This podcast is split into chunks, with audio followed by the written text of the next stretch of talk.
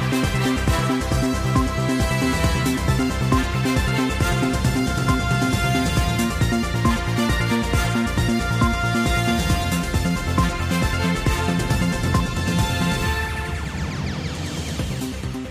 င်္ဂလာပါခင်ဗျာတနင်္သာရီသတင်းအစီအစဉ်ကနေကြိုဆိုလိုက်ပါတယ်ဒီအစီအစဉ်ကို The Watch ဝိုင်းတော်သားတွေကစီစဉ်တင်ဆက်ထားတာပါ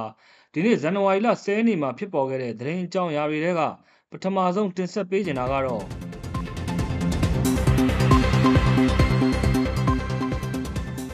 တိုက်ပွဲတွေကြောင့်ဥယျာဉ်ခြံလုပ်ငန်းတွေပစ်ထားရတဲ့ပလောဒေသခံတွေအကြောင်းဖြစ်ပါတယ်ပလောမြို့နယ်မီးလောင်ချောင်းရွာမှာတိုက်ပွဲတွေဖြစ်နေတာကြောင့်ဒေသခံတွေထွက်ပြေးတိမ်းရှောင်နေရပါတယ်အဲ့ဒီရွာမှာဇန်နဝါရီလ10ရက်နေ့ကစစ်ကောင်စီတပ်နဲ့ပြည်သူ့ကာကွယ်ရေးမဟာမိတ်တပ်တို့အကြားတိုက်ပွဲတွေဖြစ်ပွားခဲ့တာပါ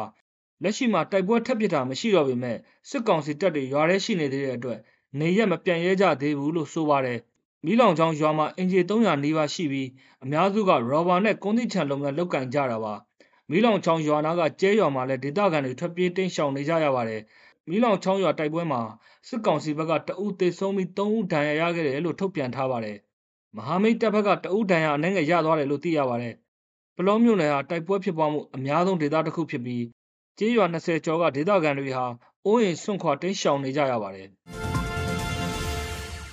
တဝဲရှေတော်နယ်တိုက်ပွဲမှာဗျူဟာမူးနဲ့စစ်ကြောမှုတာဝန်ယူထားသူကြာဆုံးခဲ့ပါတယ်။တဝဲပျောက်ကြားတော်လှန်ရေးတပ်ဖွဲ့ DGRF ရဲ့လက်ဦးဆရာလည်းဖြစ်ဗျူဟာမူးလည်းဖြစ်ပြီးအိုအောစစ်ကြောင်းရဲ့စစ်ကြောမှုလည်းဖြစ်တဲ့ဖာတီဆိုးဝင်းကြာဆုံးသွားပါတယ်။အရှိတော်နယ်ကဘဲမတက်တောင်တိုက်ပွဲမှာအသက်65နှစ်ရှိပြီဖြစ်တဲ့ဖာတီဆိုးဝင်းကြာဆုံးသွားခဲ့တာလို့ဆိုပါတယ်။ဇန်နဝါရီလ9ရက်နေ့ကဒဝဲထီခီလန်တင်ကန်းတုံးရွာနဲ့ဝါကုန်းရွာကြားကဘဲမတက်တောင်တိုက်ပွဲမှာကြာဆုံးခဲ့တာလို့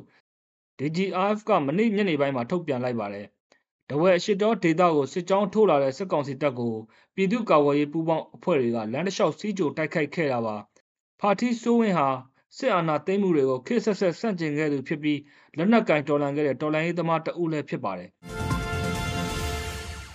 လောင်းလုံးမြို့နယ်ထဲမှာ စစ်မှုထမ်းအောင်တူပစ်တက်ခံရတဲ့အကြောင်း ဆက်ပြောပြသွားပါမယ်။လောင်းလုံးမြို့နယ်သဘောစိတ်ရွာမှာ စစ်မှုထမ်းအောင်အမျိုးသားတဦး မနေ့က ပစ်တက်ခံလိုက်ရပါတယ်။ အဲ့ဒီကျေးရွာကအောင်ချမ်းသာရပ်ကွက်မှာနေတဲ့အသက်50ကျော်အရွယ်စစ်မှုထမ်းအောင်ဦးကျော်လင်းဟာသူ့နေအိမ်မှာပဲပစ်တက်ခံလိုက်ရတာပါ။ဦးကျော်လင်းဟာစစ်ကောင်စီတပ်ကစစ်ကြောင်းထိုးရမှာလမ်းပြပေးနေတယ်လို့မကြာခဏသတင်းပေးနေသူဖြစ်တဲ့အတွက်ရှင်းလင်းခဲ့တယ်လို့လောင်းလုံးမြို့နယ်ပြည်သူ့ကာကွယ်ရေးတပ်ကထုတ်ပြန်လိုက်ပါတယ်။ဒါအပြင်ညဘက်တွေမှာမောင်းမကန်ရဲစခန်းမှာတွားအိတ်လေးရှိတယ်လို့တနက်ကင်ဆောင်ထားသူလည်းဖြစ်တယ်လို့ဆိုပါတယ်။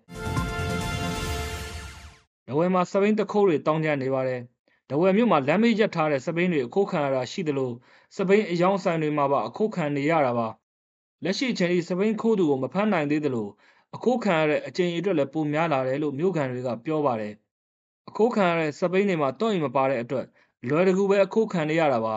ပြည်သူတွေကစပိန်အခုခံရပေမဲ့ရဲစခန်းကိုမတိုင်ကြားကြဘူးလို့မြို့ကန်အချို့ကပြောပါတယ် ဒဝယ်မြို့မှာကျမ်းမာရေးအတွက်စပိန်စုသူတွေများလာသလိုအာနာသိမ်းပြီးနောက်ပိုင်း73စီဈေးမြင့်တက်တာ73စီပြက်လက်တာတွေကြောင့်စပိန်စီသူပိုများလာတာဖြစ်ပါတယ်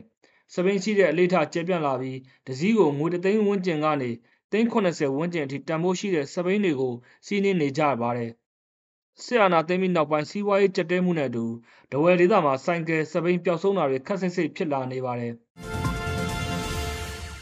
ထိုင်းမြန်မာနယ်စပ်ဖြစ်တဲ့မြောက်ရီမဲဆောက်နယ်စပ်ဂိတ်ကို ထိုင်းဘက်ကပြန်ဖွင့်ပါတော့မယ်။ကိုဗစ်ကပ်ဘေးကြောင့်၃နှစ်နီးပါးပိတ်ထားခဲ့တဲ့ထိုင်းမြန်မာနယ်စပ်ကမြောက်ရီမဲဆောက်အမှတ်၁ချစ်ကြည်တရားကို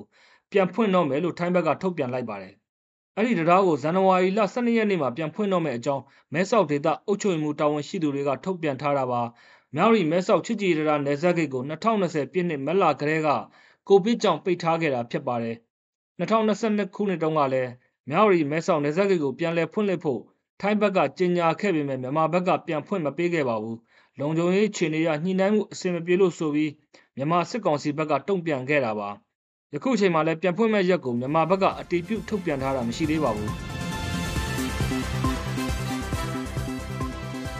ခုလို နားဆင်ပေးတဲ့အတွက် ကျေးဇူးအထူးတင်ရှိပါတယ် မြန်မာနိုင်ငံသူ နိုင်ငံသားများ ကပ်ဘေးအပေါင်းက အများဆုံး လွတ်မြောက်ပါစေလို့ Lower Watch ဝိုင်းတော်သားတွေကစုမကောင်း တောင်းအပ်ပါတယ်ခင်ဗျာ